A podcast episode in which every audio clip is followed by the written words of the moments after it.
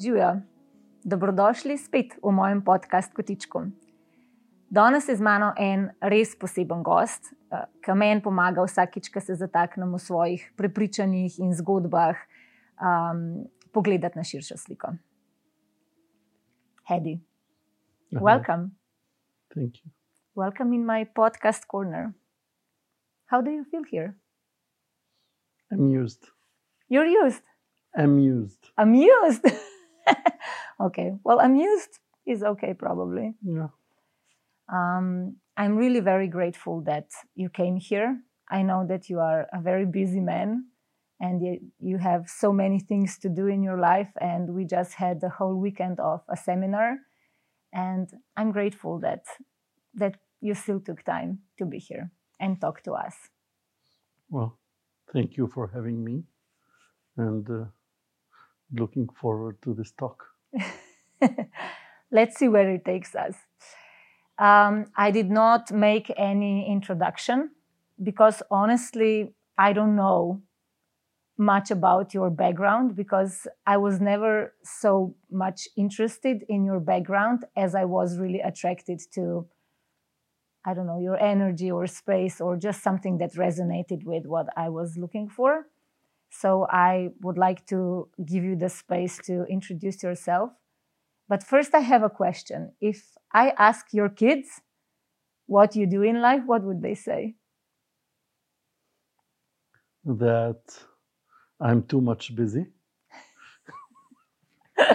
and that uh, I care too much about people and I'm always after people to take the, care of them and that I'm the worst dad in the world. Well, kids are honest, right? Yeah.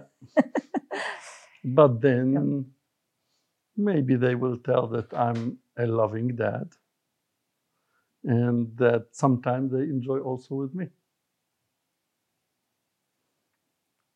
Okay. So, how would you introduce yourself? Well, my name is Hadi. I live since uh, I'm since I am I'm 19 in Italy. I'm 47. I was born in Lebanon and lived since 19 years old in Italy. And uh, I studied uh, physical therapy and I uh, studied uh, mm, osteopathy and I studied counseling, Gestalt counseling, and uh, I work uh, with people to try to make better their lives.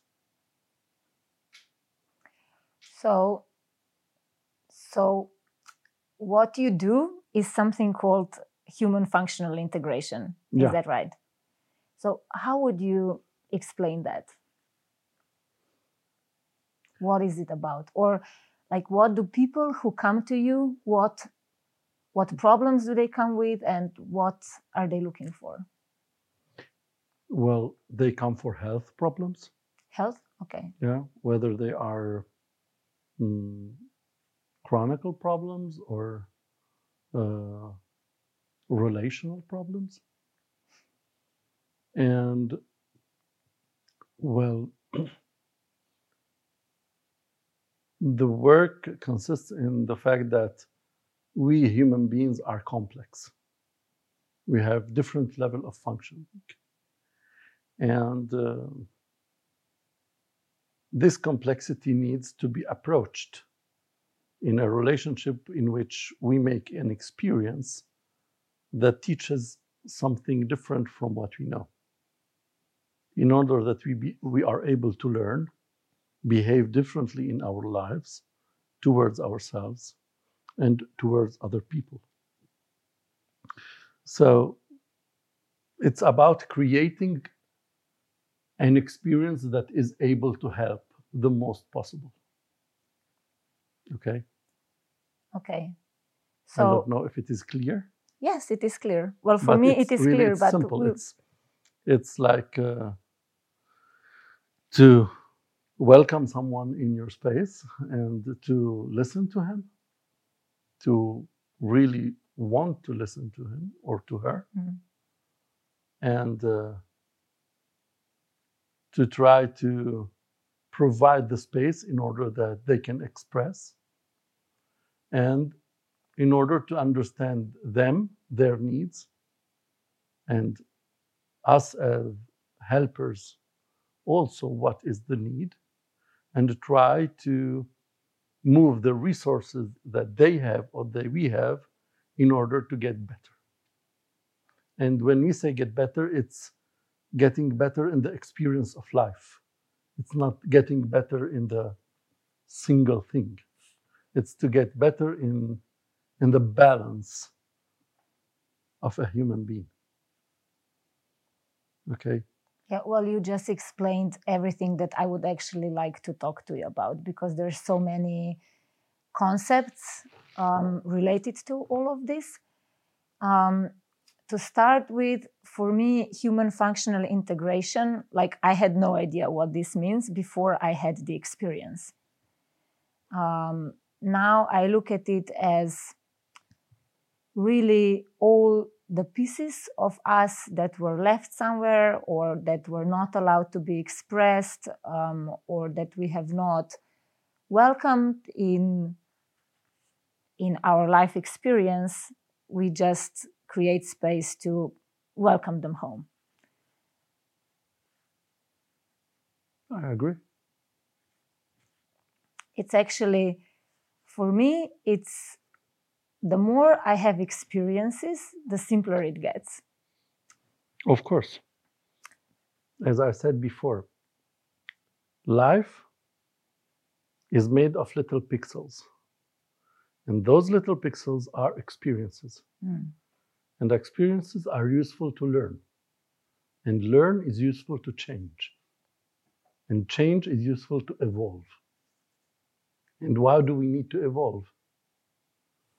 Because otherwise, we wouldn't be the better uh, project of ourselves, the better part of ourselves. We would not be able to uh, express the richness that every individual has in himself, and we would not be able to be satisfied by ourselves and by the environment that we create, by the world that we reach to create. So you think this desire to evolve is ingrained in our human existence? Is that something that everybody wants? Well, I think that we are born to evolve. Hmm. Well, one thing is to be born with it, and the other one is to allow ourselves to I think both of them. We are born with that impulse, but we also need, when we embody, to allow it. So, do you think that people come to you, they are looking for the space where they are free to evolve or to learn how to evolve? Well, I think that the first thing that we need to learn is to cleanly perceive ourselves. Yeah.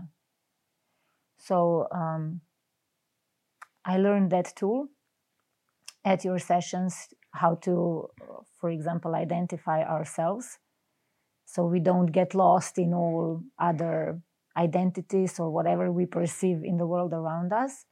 And it's really easy to just identify with our name, age, and our sex. But but this like the first step already can create a lot of hardship for people for me it wasn't so easy you know Well, I think it's not easy for anybody if it goes to awareness. If you say them automa- automatically, when we say our no- name automatically, we don't perceive the connection between the name and what is perceived underground the name. Mm. Okay? If I ask you, what do you call Anna? What do you perceive in you when, when you say your name? okay And it's well, it changes really. I think it's different now than it was, I don't know, a year ago. Of course, Yeah, because your awareness of yourself yeah, is different. So the meaning and the perception of Anna that you have now is different from one month ago, one year ago. yeah, And that perception defines the way in which you say Anna. yeah, Okay? And and the way you say Anna and you perceive it makes you walk, breathe, eat, uh, think, get into relationship differently. Yeah.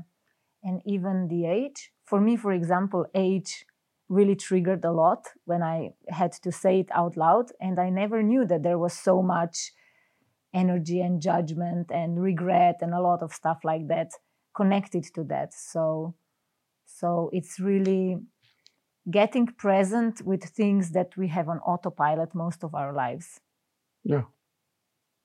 Well, you know, autopilot is necessary to not waste energy sometimes. And we all have automatisms. But the fact that we cannot have only the autopilot, we also need presence. Because if we don't guide our life and ourselves in presence, then we are going to find ourselves in spots where we didn't decide, only because it was more easy and comfortable to go with the automatic pilot. So let me just ask. So I've been exploring presence for a while now, and it goes more in a way of like radical presence, like really being present with every experience, every feeling, like really every moment. But you are saying that like some level of autopilot, autopilot is still required so we can function better in day to day life or I can give you an example. When we are when we are driving the car, we have Okay. both of them. yeah Okay? So for some gestures, you go with automatic movements because it's the best way to save energy, yeah okay right? yes okay But on the other hand, you need to remain present because otherwise you are going to have more easily incidents because you need to adapt. There is, there is some variation in, in, in life that you cannot know before. So you cannot go automatically only. You need to be present. So it's a balance between how much to save energy and how much to be able to use your presence resource to adapt. Hmm.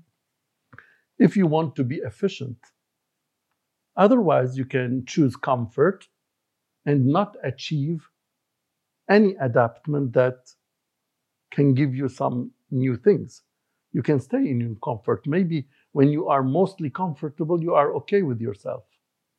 But then you cannot complain for the fact that things are happening and you didn't choose them and uh, uh, you become victim of your life and uh, and all of that. So that was one of the first concepts we started with at the, at the educational at our school with you was the self responsibility yeah. Which is really moving out of the victim mode and and turning like the experience inwards. Yeah. So can you talk about self responsibility because i think it's such an important topic um, and it's something that most people don't even don't even consider as i think that in our cultures when we talk about responsibility yeah. we talk about what we do. So you are responsible of doing that and doing that and of the consequence. Mm. and then we're not even any more responsible of the consequence. We become guilty. Okay? So if we confuse between guilt and responsibility, what is going to happen is that we are going to have a bunch of a whole world that function with good and bad Yeah. and punishment and guilt. And so we are not going to learn. Mhm. We are going to uh, be taught as animals. And then we stay on op- autopilot. And really. then we will go on the autopilot because we are going to say, you know, every day it's right to do the same thing. Mm. But if one day we get into a situation where it is not right to do that thing and we are not able to change, it's going to be a mess. so self responsibility is really about learning Where respo- responsibility is also about learning. But first of all, responsibility is about being aware of what we are living and being aware that we are living it. Okay? I think we need to make a simple example. Yes, that's Okay. what I wanted So- to say. if you're if our child behaves in a way that we don't want okay and we tell him to not behave in that way but he is not able to listen to us and he goes on behaving in that way and we feel anger what is going to be our expression Well, it depends, but usually it's going to be expressed towards the child. yeah you are we are going to tell him Yeah. mostly okay you make me angry Mhm. okay if it is like if it is like his responsible of me becoming angry and it cannot be true because we don't choose what we feel. He didn't choose what should i feel. He didn't oblige me to become angry. I handled the situation with anger. So it could be different if i say you know i'm feeling angry. So, in relationship with your behavior, I'm feeling angry. And I need, because my anger is pointing some need of mine, Mhm. okay? And I need you to listen to me. I need listening. I need that we can listen to each other in this relationship but it's much it's much more how to say um, it's much more needing energy to be in that presence It's it's hard work. it's hard work It's it's for me self responsibility and all of what we are talking about is really hard work. it's hard work yeah. you know in order to understand ourselves Mm. And it takes it's a much more of comfortable to cut everything out yeah. and try to not feel our unsatisfaction okay because otherwise we will feel our needs and we feel that we need to search for resources and um, and instruments in order to satisfy our needs But why is that bad? For example, like why are people afraid of getting in touch with their needs? Because this requires self responsibility requires a level of vulnerability that most people are not that is listening listening. first of all Mm. so the fact is to accept that there's something that you don't already know and you need to listen in order to understand. So responsibility is not about what we do first of all. First of all it's about what we feel. Mm. so the first thing that i need to do is to be responsible of what i'm feeling or of what is emotionally moving in me or of what i'm thinking because every everything thought every physical perception every emotional perception talks about me and tell me about my need in the moment so responsibility starts by taking our feelings and our thoughts into our world. Okay? And then being responsible for our elaboration and being responsible for our choice is because we choose what to do and how to do it. And then we are responsible of what we do, and then we are responsible of the outcome. Okay? So in the responsibility, what is really makes the difference in the quality of being in our with ourselves and with the relationship with other people is really to self-report. To self-report our physical feelings, emotional feelings, mental feelings, and behaviors and outcome. And when we self-report, we get to to the need. When we self-report, we get much more easily to the need. Because most of us are not even like cognitively aware of what our needs are. Of course. We are just In all the the, time in reaction. In the last hundred years, the way our society is progressing uh, makes us think that everything is easy to get to. Okay? And maybe materially mm. it is true now. Yeah. okay? But from the human point of view, function, fun- how a human being functions, and from the relationship point of view, it's not like this. So with evolution of technology, With I think with uh, The- evolution of, of society overall, yeah, the direction that it is taking, it gives us the illusion that everything is easy. Okay? and that our primary needs are changing, Yes. but they are not. They're staying the same. we're still human. yes. We are still going to die. We're still born from a mother. We still need warmth.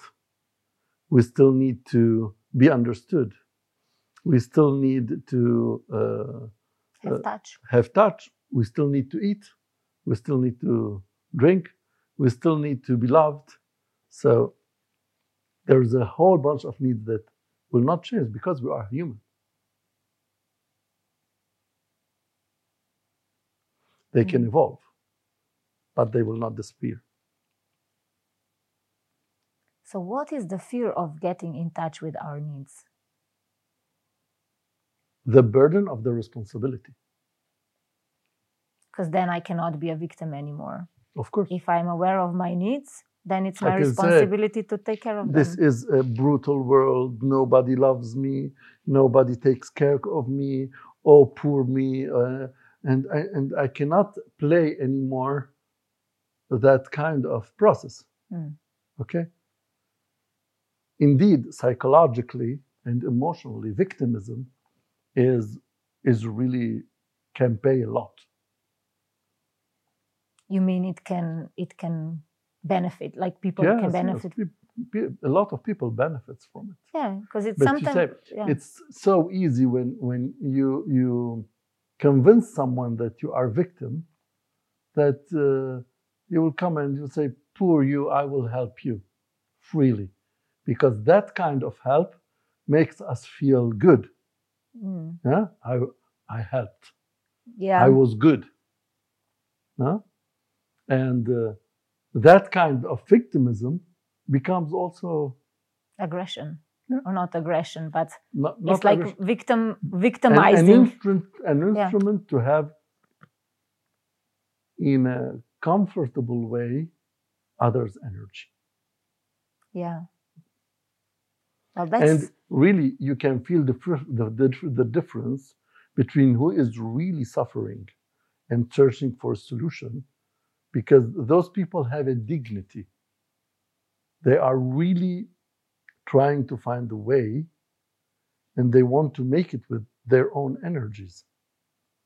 Okay? They're not pouring themselves. So, in a very pragmatic wa- way, like my question would be how to recognize a victim who is trying to manipulate you and how to recognize someone A victim that is trying to manipulate you is always asking you to make the change in order that he will be good. This is an illusion. It is impossible to be. Hmm. Okay?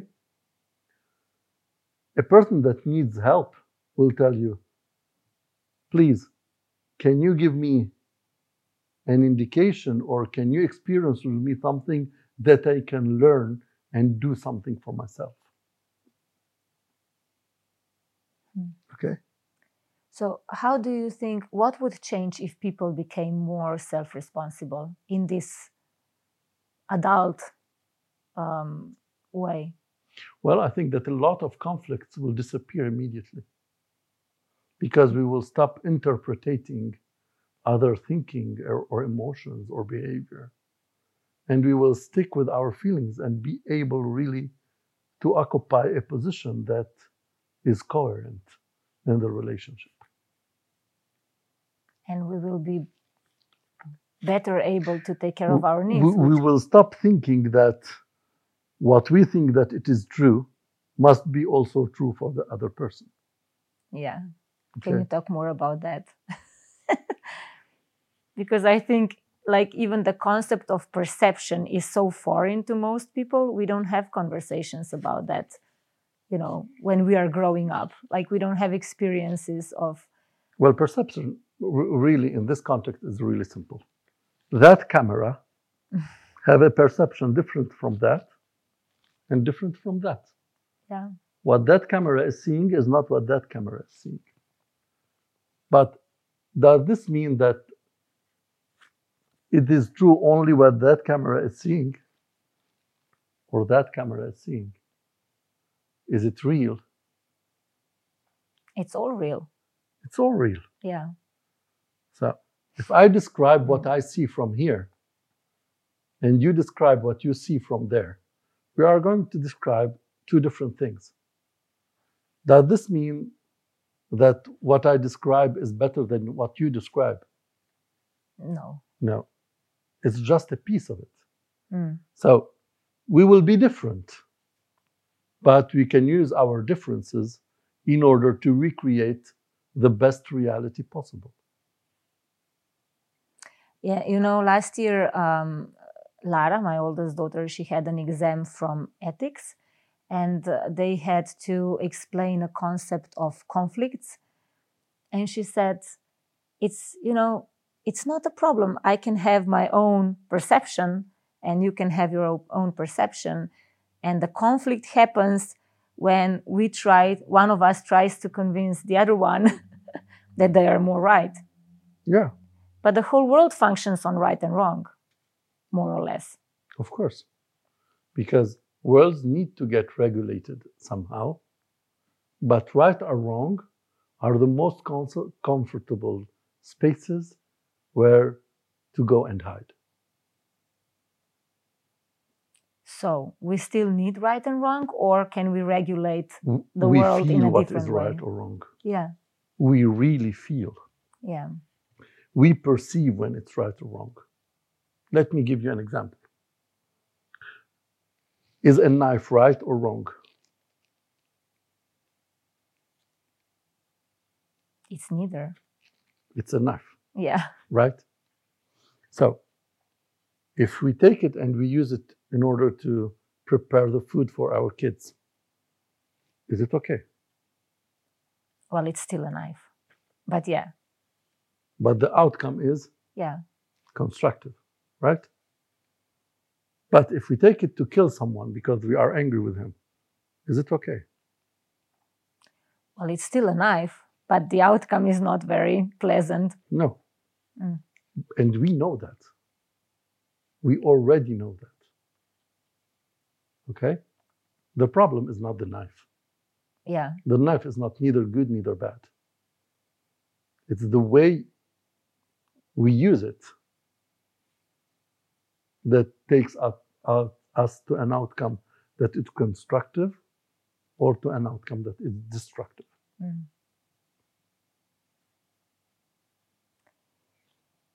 So, um, going back to when you were first explaining um, the whole concept of human functional integration, and it started with experience. Um, do you think we can learn in any, any other way than with experience? I think, yes, observing others' experiences. yeah, that's true. Witnessing But- others' experiences. But when it comes to like personal development or evolving, um, listening to podcasts and reading books and all of that can give you some idea, but then, but then, The idea is an idea. And you know, it's it's not a secret that we are we have three levels of integration. Okay.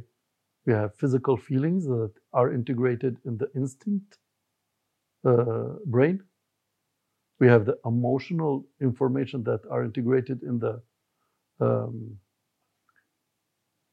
in the hypothalamus in, in the hypothalamus, okay, and in the limbic brain, and then we have cortex and we have cognitive integration. So everything, it's everything that we encounter in reality and, and that we meet and we we receive is processed on three different level in our brains. Why is that? you tell me. Why is that? it's because we cannot perceive reality without seeing it throughout three different up, three different eyes. Okay, so reality is complex, and we need to build it up, up, and our body is made to build it up. So, yes, we can learn from our experience. We can learn from others' experience. We cannot learn only with our mind. We need to learn with our mind, with our emotions, and with our body. Everything that is not learned on these three levels is not really learned, is not completely learned. Okay. Okay. So ev- every experience is always on these three levels. this is you explained it so beautifully because most of the learning that we've been subjected to was really through our mind like when we go to school when a six seven year old child go to school it's kind of like cutting off the body and focusing just on the mind and the experiencing and learning through the mind um, Yes, it depends on the talents. I mean, Mm. some kids are more talented with the body, Mm. they understand more life with the body. And this is why they go with the body and they cut off the mind. And someone is more talented for emotions and they learn to perceive the world with emotions, but they cut off instinct and mind. And the most of the population is more talented in the mind, and usually they cut off the body or the emotions. Mm. And anyway, for every piece of integration center that is cut off, we have a, mm, a lack in the perception of reality. so it has to be the whole package Yeah. We but for need- me this is really we, we Mm. need to remain uh, we, we need to remain uh, open with all our humanity we need to find perceive- such great words. you, we need to perceive with Mm. all our humanity with our body with our emotions and with our brain with our mind I think it's interesting what you said that some people are more talented to learn and perceive through feelings because it's this might be my, more my personal question or exploration but i've been i was a good student. I was always an a student and my mind i could make my mind work for me. But in the past years i'm realizing that you know my perception is really more through feelings. For me even the memory for example I don't remember in like the mind processing way or in images, but I just remember my past life in feelings, how I felt. So, and it's okay. The problem is because then the judgment comes in when, you know, I'm not doing something or processing something with my mind or I cannot express something in words or, you know, um, because for me, feelings are more real or more easy.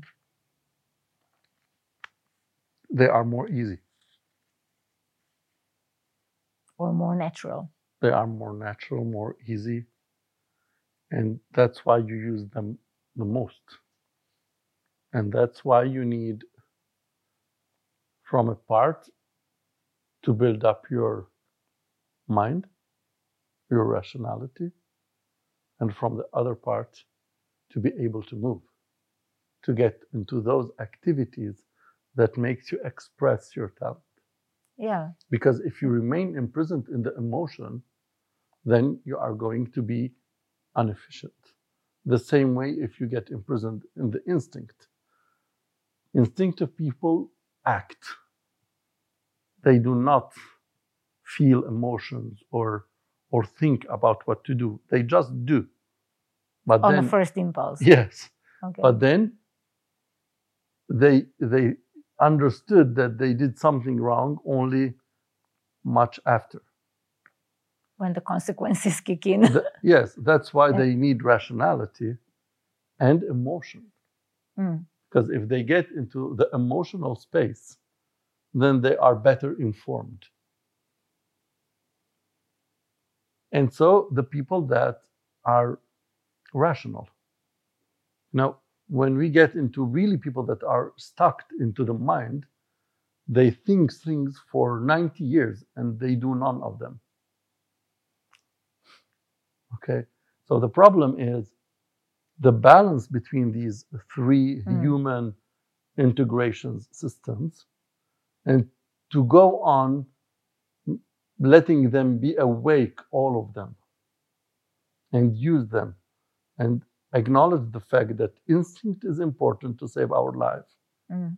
Emotion is important to give us the energy to move, okay, and not be always to give a color to our way of life. And rationality is there to make us organize the behavior. So the three of them are really very important. Thank you for telling me this. Really, it's really valuable information because otherwise it's always like this constant fight again of right and wrong. It yeah. just gives more understanding, even when you have children, for example, and or well, yes, for example, children, and you have three different children, and they will perceive world in a different way and then you can more recognize what they need. Someone maybe yeah but now overall we are used to say one maybe 20 30 40 years old they used to be being emotional is bad. Hmm. now we are starting to say that being rational is bad. Yeah. You are stuck you are too much in your mind and, yeah. and it's always like we are looking at the bad aspect of, of our functions. Mm. But it's, it's not that emotions are bad or rationality is bad or instinct is bad. That's how are balanced inside us. Yeah. I think today we are actually talking about balance because this is, I think, one of the hugest things I've started learning when I came to you. And it's simple. But even like I think we humans really like to go in extremes, like you said, like first just thinking and then just feeling. It's also, I was for many years looking for consciousness, you know.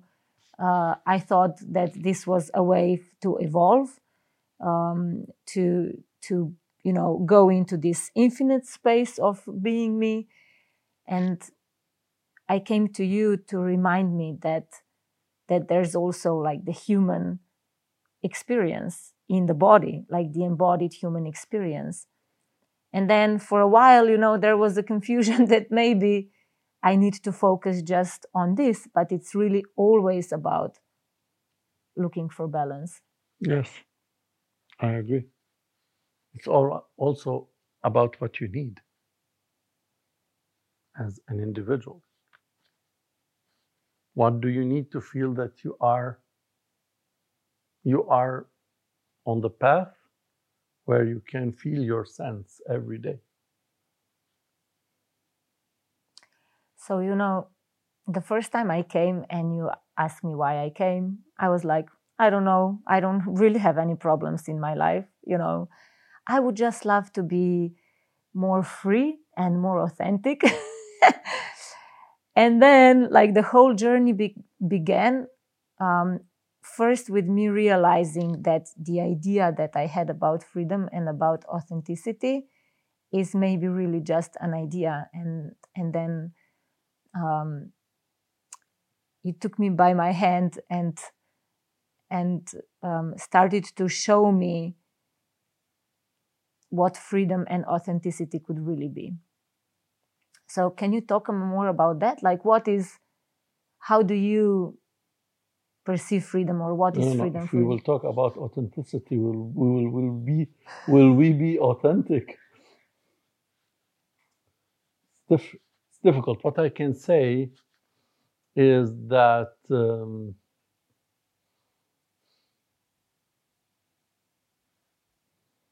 we need to pay attention when we talk about authenticity because I have the feeling sometimes that we talk about the authenticity of the child.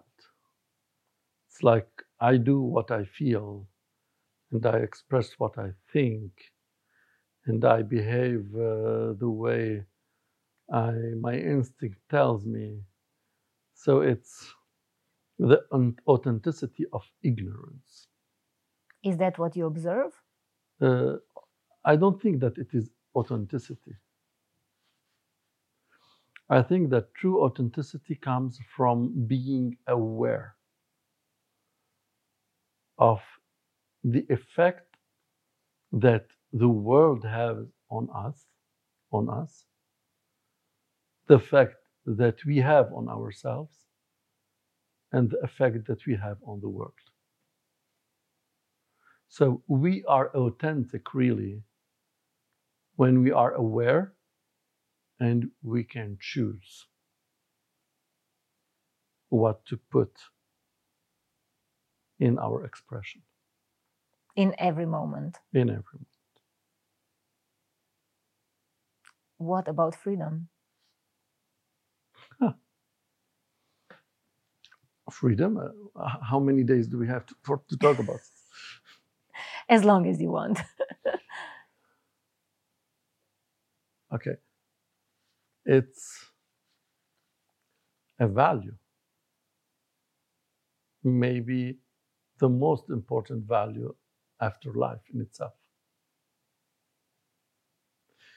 Because if I ask myself, what's the most important thing in my existence,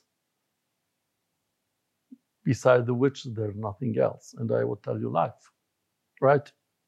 So the most precious thing that we have to transform is life till we die, right?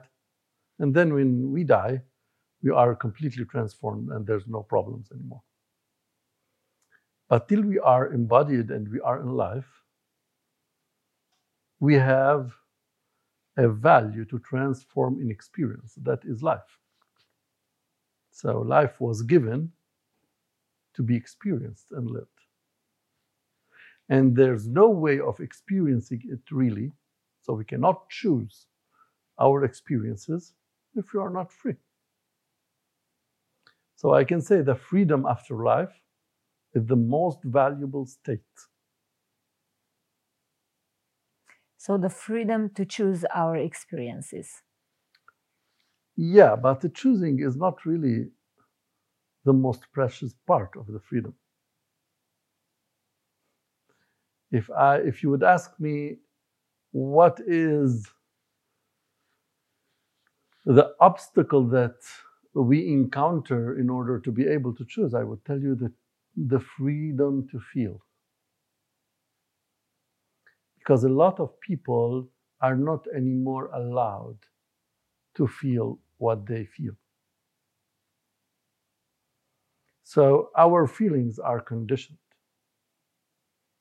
We are taught what to feel, in which moment, how to feel it. And this is physiologically impossible. Uh, even now, in this modern world of, of uh, personal growth, when you are allowed to feel a little bit, but it is a selection of feelings that is appropriate and allowed, like happiness and excitement and ease and all of that. yeah, I think this is what the culture defines uh, good emotions, bad emotions, good thoughts, bad thoughts, uh, good feelings, bad feelings. Uh, this is why our the individuals, people are becoming controller much and much and much more because they really want to eliminate the variable, the variable, the the uh, the variability mm. from life. But can we eliminate variability from life? Well, not really. We can pretend it's not there or we can push it away for a but while. when it arrives, are we ready? Most people probably not. And how will we will be? Unsatisfied, frustrated, burnout, burned depressed, out, depressed, yeah, burned out, ill, etc., etc., etc. So, freedom, the first piece and most important of it is to learn that we cannot decide what to feel. We can only feel it, whatever it is. Okay? So, if we are free to feel, then we are able to understand ourselves. And much more, we are able to understand the world around us. And we can make it better for us and we can make it better for the, the world around us. Because we're coming back to needs. Yes. Because feelings are communicating needs or providing yes, they some give information. Us, they provide information and indication yeah. to where to find the need. Okay? And so if I'm free to feel, then I can get a clear perception of what is happening. Okay? But if I'm not free to feel, am I free to feel pain? Then I will not be avoiding a need.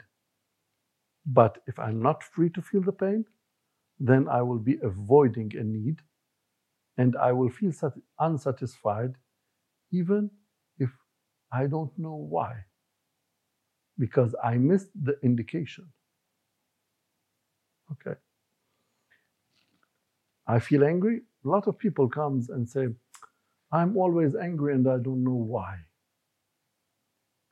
You know, you should tell most of people that anger is a secondary emotion. It becomes after something else. What? Like usually? fear. Yeah. Like tiredness, lack of energy, or pain. Okay? So if we are unable to feel the pain or the fear, then we get into anger. Because from there, we have a necessary energy to make some change. But it is, uh, and not well defined change. Mhm. Because if we don't find what we really need, what is there behind the pain and behind the fear, then we cannot define the action that we need to Take. take Mm. in order to resolve our need. So basically, you're saying that every time we go into anger or any other sort of distraction, really, um, or compensation, we miss the opportunity. We missed an opportunity, of course, but life is good with us Yeah. because Yes. what is compensated is not eliminated. So it's going to be there and it will bump up in any moment where it is uh, there is something that is resonating Mm. And we will get another opportunity and another opportunity and another opportunity Yeah. if we want them yeah. Life and body. Body will, will also keep communicating. yeah So you work, maybe we can just uh, include bodies in our conversation because it's a huge part of uh, your work as well. So, how is that all connected? What we're talking about? everything is body You said that today, and I wrote it down, and I really wanted to ask you can you can you tell more about what you mean by everything is body? every every process that you are talking about is embodied so everything is but I, I think that maybe we need to do- say only one thing about this that body is not a machine Hmm. In the way that we think about it Because we look at it sometimes, or many, oftentimes, it's not as a tool it's yes it's or not as a an, as an machine. instrument. Yeah, but Huh? it's not. no it's a piece of consciousness And it has its own consciousness. Of course, it has its own memory. It has its own uh, consciousness. It, it has its, own reactions. Okay, you must know that our nervous system is made of a huge part of autonomous system. That it goes by itself. It responds to everything the way it is organized to respond, without you deciding. Hmm. Okay. So, what happens beneath our awareness, it and we, we are not able to see it, does not mean that it doesn't happen. It happens the same. But we are not aware of it.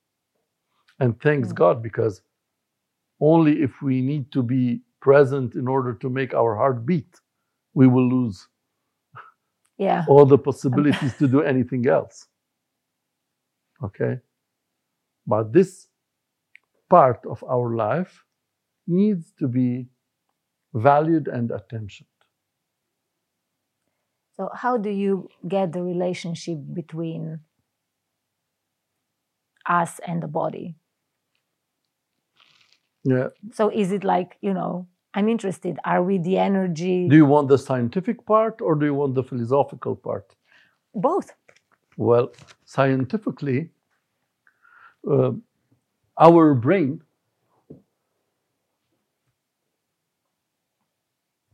so if you think about the psychological part you would think about electricity in our brain right?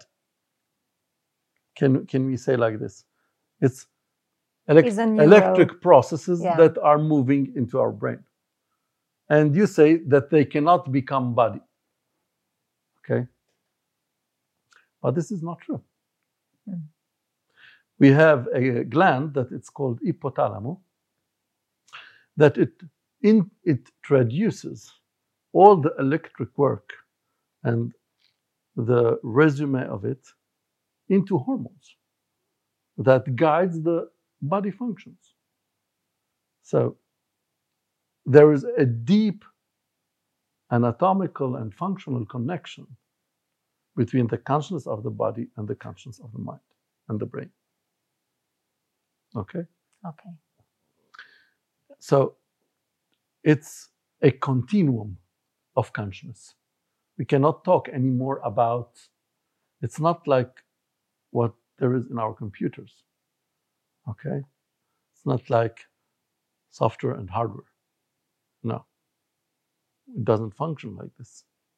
Okay? That's why we are able of empathy while machines are not. I don't know if our technology will ever be able to develop so much.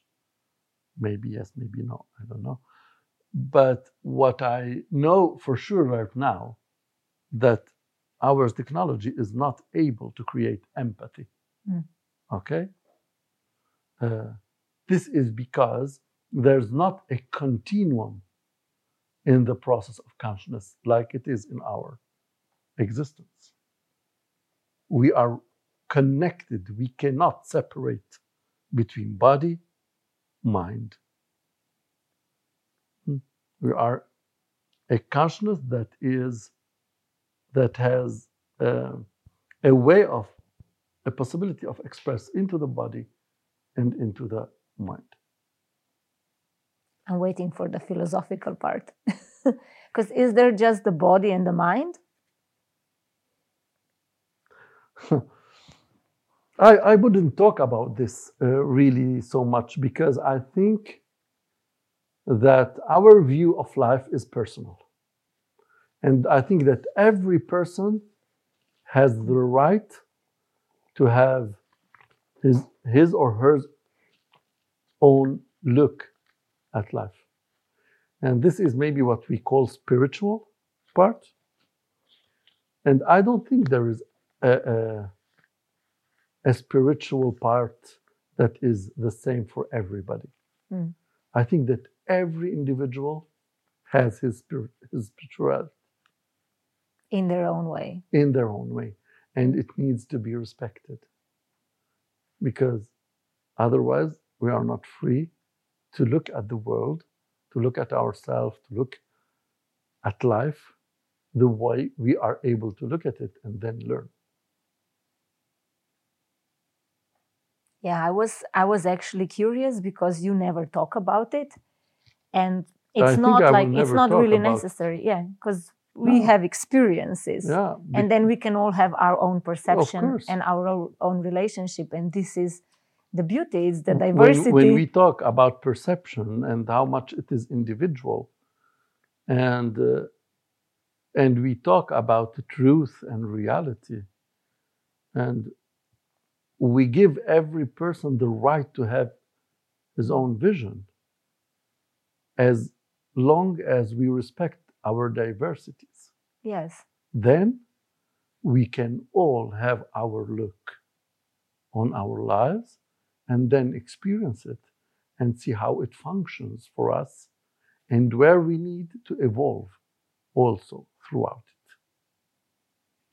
yes, because humans we just really like to have answers to everything, but it's okay to I think that we like to pretend so yeah. because we are so attached to security. So you think answers give us that safety and Yeah, it structure. gives the illusion that uh, it gives us the illusion that things can remain always the same, even if we know that they can't. Yeah. Because answer is very definite. It's like the full stop at the end of the sentence. Yeah, I think that the question is relative to the circumstance, and I think that the answer is relative to the question and to the circumstance. Mm. It's really difficult to have one answer and that one answer is good for everything. This is complexity. This is why life is complex.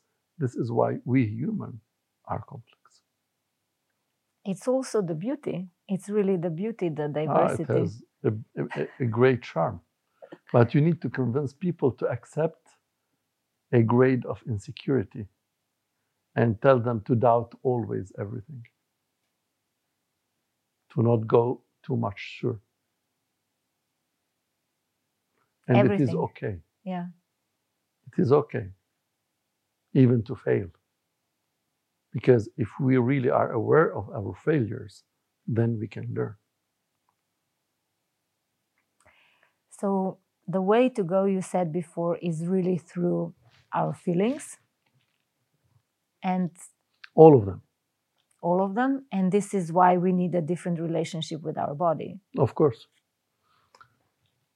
You see, if we don't have our body, we cannot receive the reality the way we are receiving it. So, the first clear relationship must be with our body. And it must, it is important that it is throughout a clean perception. What do you mean by clean? So it's not interrupted with what has been. Judgment, Yeah. excess of judgment, excess of rules, excess of beliefs. Okay? Hmm. Because we, of course, we have opinion upon things, so we judge. But it's different to judge with absolute mode or in relative mode.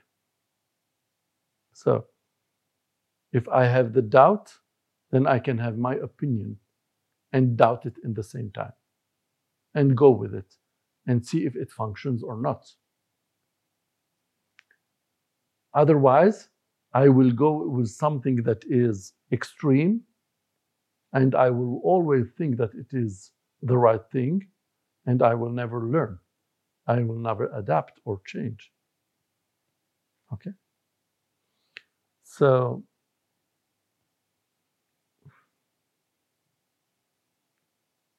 yeah, I think we that we need to live a space for a little bit of insecurity, balance it with trust in process of life,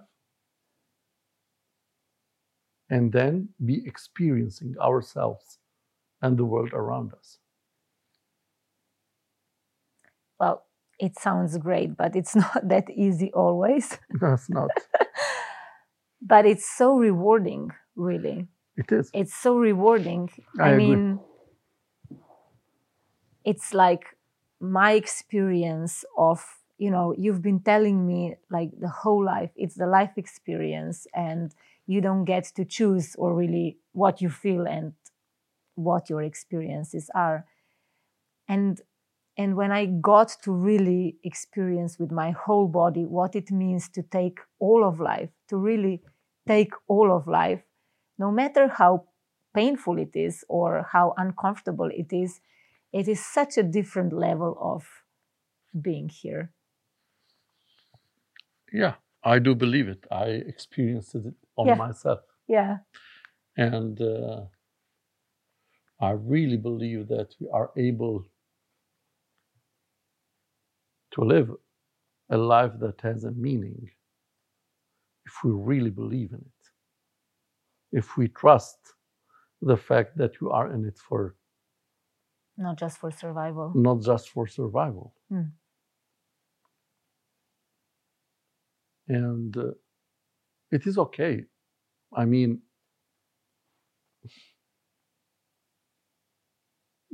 life balances uh, gives us the knowledge that sometimes we need to survive only.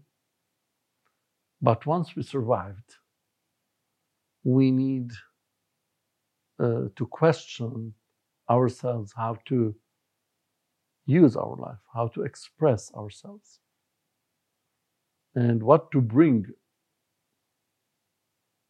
as a unique expression in this world. Yeah. This is a, a huge topic as well, discovering our talents. But um, oftentimes our talents are really connected um, with a level of discomfort. Like the courage to put them really out in the world. Maybe it's just my own personal experience, but I think like talking to other people, um, it's a huge desire in a lot of people to really get in touch with their passions and talents and what they bring to the world, and at the same time, huge fear because that means allowing into life things that are painful and uncomfortable. Yes.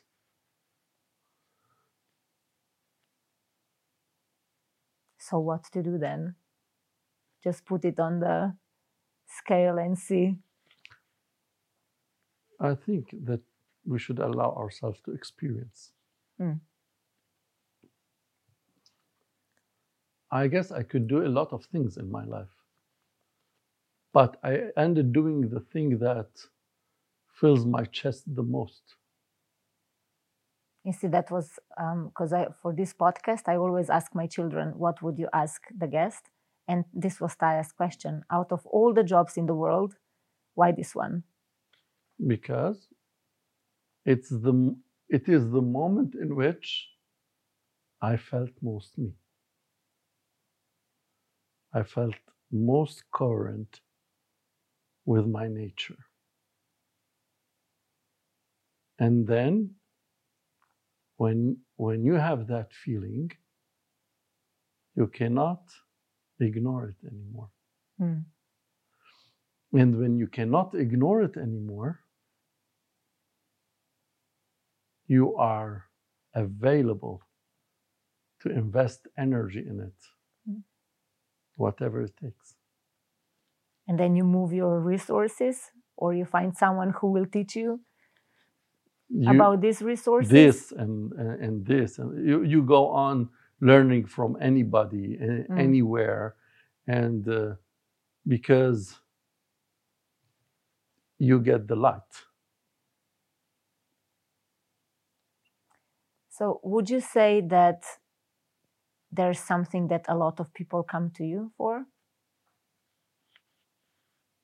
When they come with like maybe health problems or to get out from else, the confusion to get out of confusion, to learn to get clarity. to get clarity about what they are feeling and what their are needs really about who they are or just really what, what they al- really need. also but i think Mm. they are connected Okay. So, um, oh, I have many more questions. the more you talk, the more questions I have. um, you know, one thing I'm really curious about, and um, you mentioned that a lot of times is because you have um, your clients in Italy and you also have um, many clients in Slovenia. Um, and and there are obviously some cultural differences. So, so what do you observe about Slovenian people that is no comment no, just give us one, just one comment. i can say what is common they are human You're not gonna talk about it, Mm. like the Slovenian specifics. well slovenians are similar to lebanese Really, yes more than Italian? much more than Really? Yeah. In what way? they are still fighting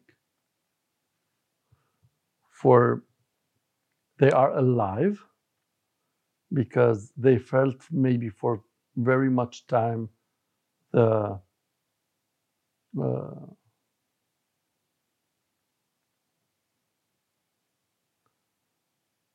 uh, the threaten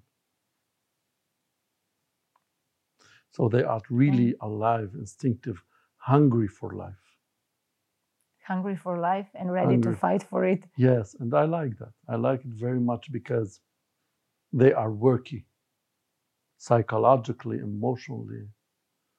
They are really hungry. But we could have it easier, probably as well.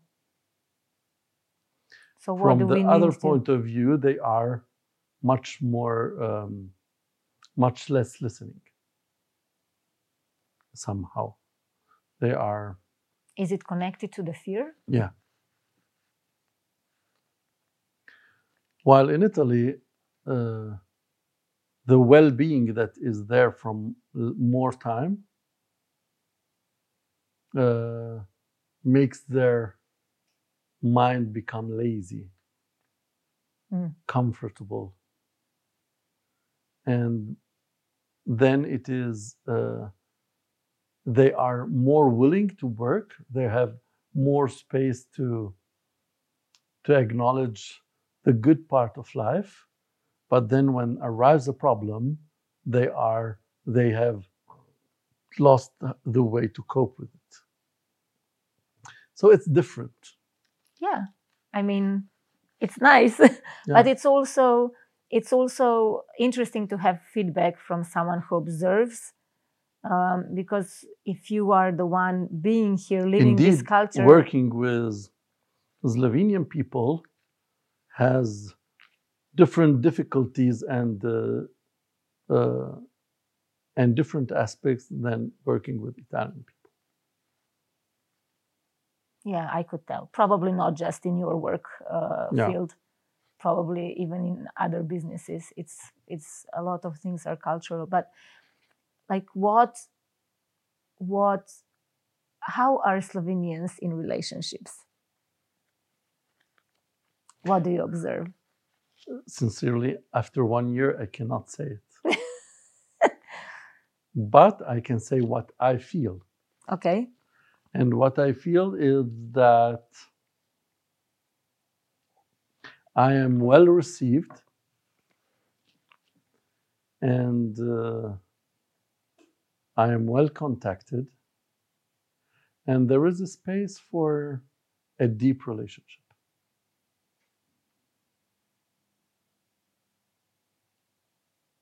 well in a therapist and client it's probably different than in Yeah, other course. relationships that Yeah, I, I only experienced, let's say, I have some friends, mostly the one that brought me in Slovenia, but I still didn't really engage in uh, in friendships or relationship or social relationships in Slovenia. So I I cannot say nothing about that, but the profound feeling is a fertile feeling.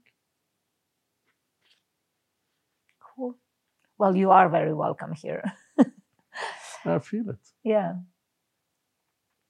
So um, the question from my oldest daughter, Lara, was when you work with people and you ex- witness um, a lot of emotions and you know you witness a lot of things that actually could trigger you as well how do you stay in that space of no judgment Hmm. What a question. yes i know What a question. well she she has been Hello, Lara.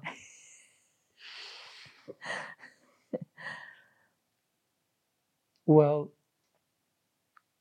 when we suspend a judgment, we really suspend it when we stop judging ourselves.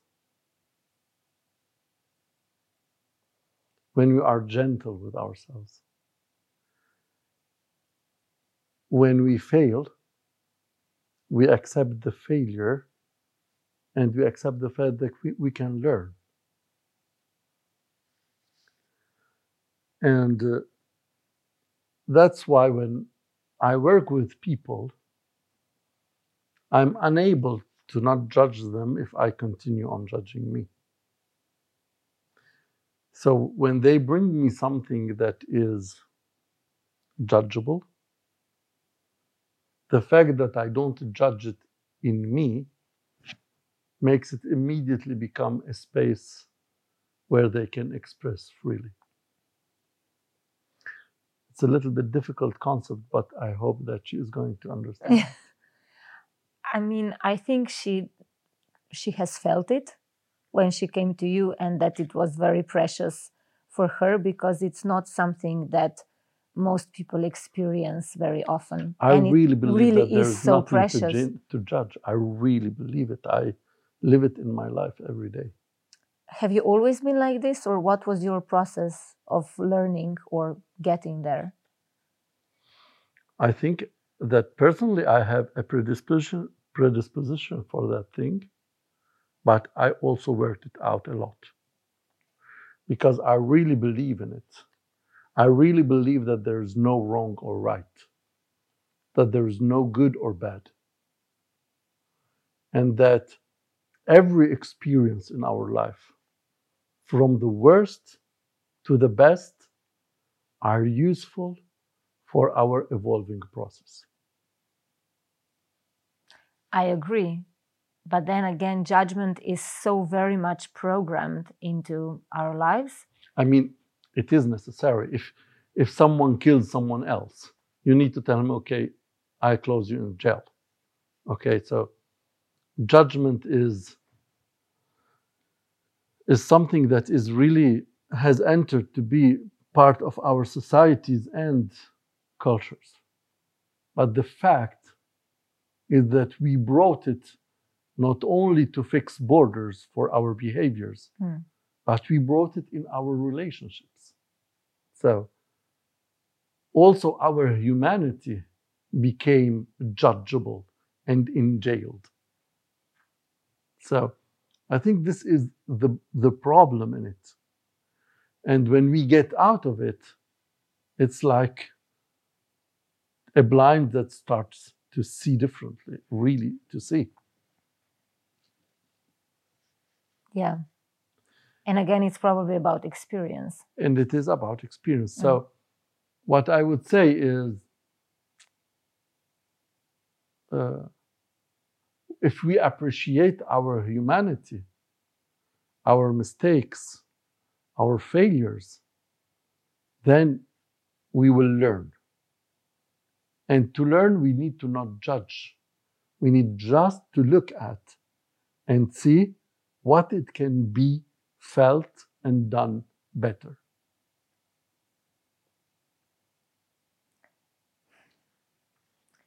This is something that is so precious in all relationships, really, even in partnership, in in uh, parenting, is really just that space of acknowledging, of witnessing, of listening, and and giving space to whatever is, Yeah.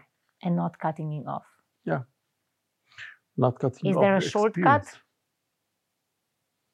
Is there a shortcut to eliminate the the judgment that we have internalized somehow? Perception. Perception. to understand perception, to understand that what is true for us is not true for somebody else, and that what is true is not always real, and what is real is not always perceived. So, if we really learn how to stick with our perception without pretending it to be the holy truth, then we will start understanding that diversity is the key. Diversity is the key of the exchange. And then judgment is blows completely out because it's not efficient. How, how can you mm, I will stop here. No, continue. No, No. no, No, please we get continue. into a much more complex aspect, but let's stay simple. no, but now I'm curious. You will, you will leave it for yourself. Okay, so um, to stay a little bit with parenting, when I said it's um, with all these concepts that I learn um, with you, um, I'm always, you know, looking at because I have my experiences of what I um, internalized or learned uh, or or locked away um, as a kid. So for me, it's always a double process. Like, how can I work on that within myself and then also how can i be a mom that that creates a space where children don't necessarily um, get into the same well th- where they can have different experiences. So what would you say that even going back to self responsibility for me it's something very crucial in my role as a mom. Um, I see it if I if I want to allow them to be who they are and and have their own life experience, then self responsibility Being careful to really not lose the borders. yeah Okay, otherwise they will be unadapting, unadaptive children, right? They Yeah. need also to function in the world. They need to function within them, themselves, but they also need to function in the world, Yeah. right? well it's always again looking for that balance Exactly. yeah it's always about balance I mean, we cannot But- kill their individuality in order to make them fit in the world, but we cannot make them destroy the world in order that they feel individuals. Okay? So these two extremes do not function. yeah Okay? so what would really function like where do things go not wrong but you know where Yeah. where is room for different kinds of um, experiences in That's the childhood and beauty of life, parenting in the experience. When you are present in the experience, you know where are the borders of that experience. And you live it with them, and they learn. How can we define it before? only through judgment really we have to go to judgment if we want to define it like Yes, but you will fix an image. yes But then reality, how will much will change every moment? How much it will be different from that image every moment? Do you know from what they learn really the most? I think this is my idea. They learn of sharing the experience of, of life with us. us you mean parents or Yeah, everybody adults. adults Yeah. okay friends of them, their friends, adults around them, environment. So they really, they really learn the most from experiencing with us, from sharing the experience with us. So then it is our responsibility in a way, or not responsibility, because then we can attach guilt to that. But what we can do is really to provide a field where they can share those experiences. Why can you did they- can you why- give an why did- example? why did we invited them into this world if we don't want to provide them for that? It would be a good question for one who wants to become a parent. Because, you know, um, we own life something when life responds to us. So when we ask life to have the parent experience and life say yes, where we own life the fact to create the field for that life to grow up and become.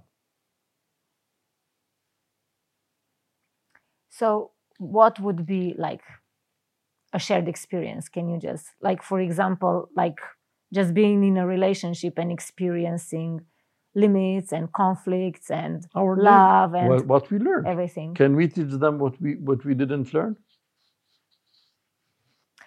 Well, yeah, this is really another really interesting So- conversation because we think parents that we have these ideas of we want to teach them, but if we haven't learned or experienced that ourselves, we cannot teach them. How them. can we? This Yeah. is where they get confused.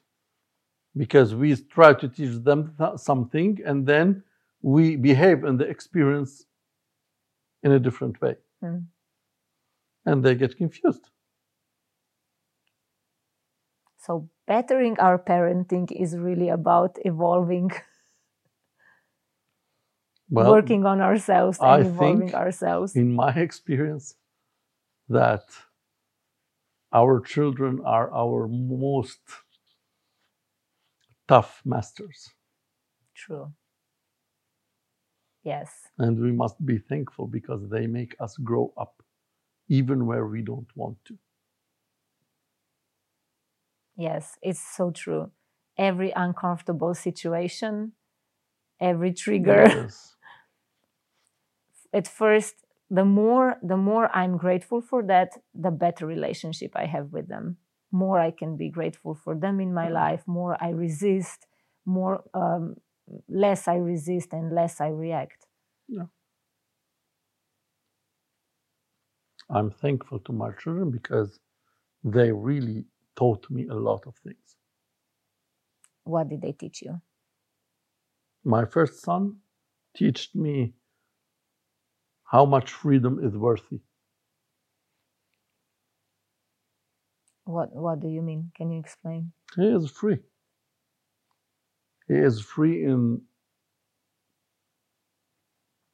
Feeling. yeah. He is free to feel and to express something that I have never been. But how how did you get there? Like what was your are you like are you very sensitive? How can I know that? I am what I am, Mm. Which, which is the referment of sensitivity in order to respond to that question. I sense the way I sense. I don't know if I'm very sensitive. Okay, Maybe so I'm not at all. it's true. Yeah. How can you? You have nothing to compare it to, really. Yeah. But would you say? I will rephrase. Would you say that your sensitivity has been a difficulty for you at some point in your life, and you had to learn how to? Sure. So, what was the process of learning then?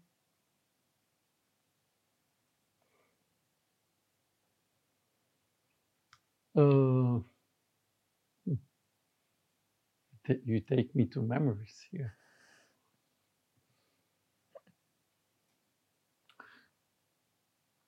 So, when we feel somehow differently from the environment, we need to.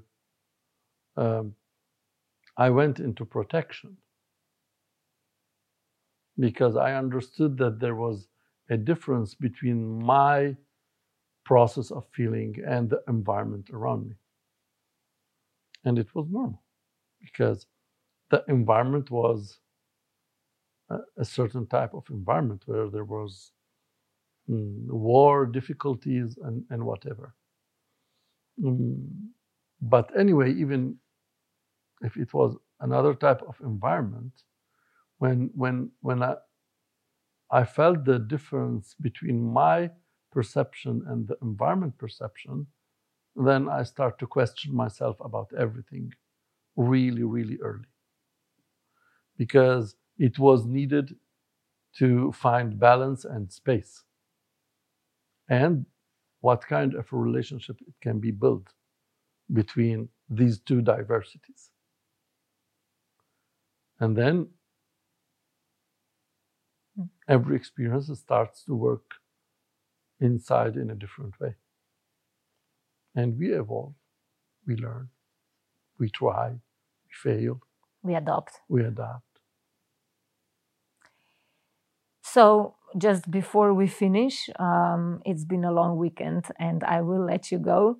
Can you just, um, like, very shortly explain what are the resources that everybody has available, but maybe don't know or don't realize that they have them available to balance to balance life day to day To what? To do what? You, you, you are asking me about main resources that Yeah. are simple to everybody? Well, the resources that you also use in your work, but for example, people who are listening to this maybe have day to day situations where I'm going to be so obvious that that's okay. they are going to get annoyed. Yes, let's annoy them. Yes, let's annoy them. Remember that when you need energy, you can have it from your breath. It's the main energy system that we have. Remember that you have main needs drink water, eat various, uh, move, Sleep. Sleep. Remember that you are a human being. And you will have the necessary energy to cope with any difficulty.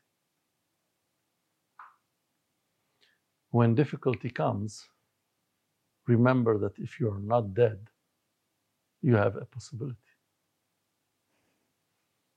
And sooner or later, if you listen, you will understand what you need and you will move your resources towards that possibility.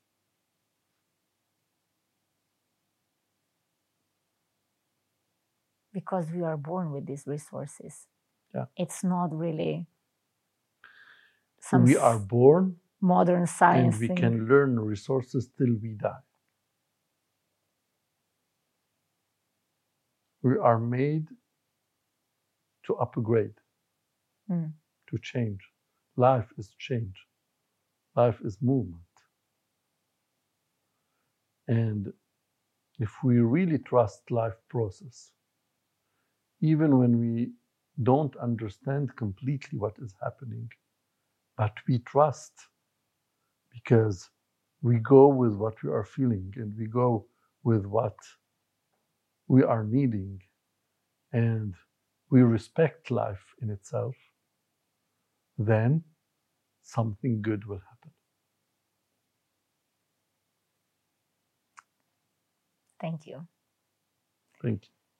And just one last thing. I have now already a tradition. this is the third episode, so this is now already a tradition um, that I um, ask each guest at the end um, to um, invite people who are listening to look into the bigger picture. Well, you already did with what you said um, just now, but is there a question or a tool or a reminder or something so people go from here to actually acknowledging the possibility to to um, change the perspective or to see a different possibility. Remember that you will die and don't waste time. that's awesome. Thank you. Thank you. thank you for coming and thank you for sharing all this wisdom. And i'm really looking forward to the next time because i'm sure we will get a lot of questions now. Thank you very much. thank you. Thank you so much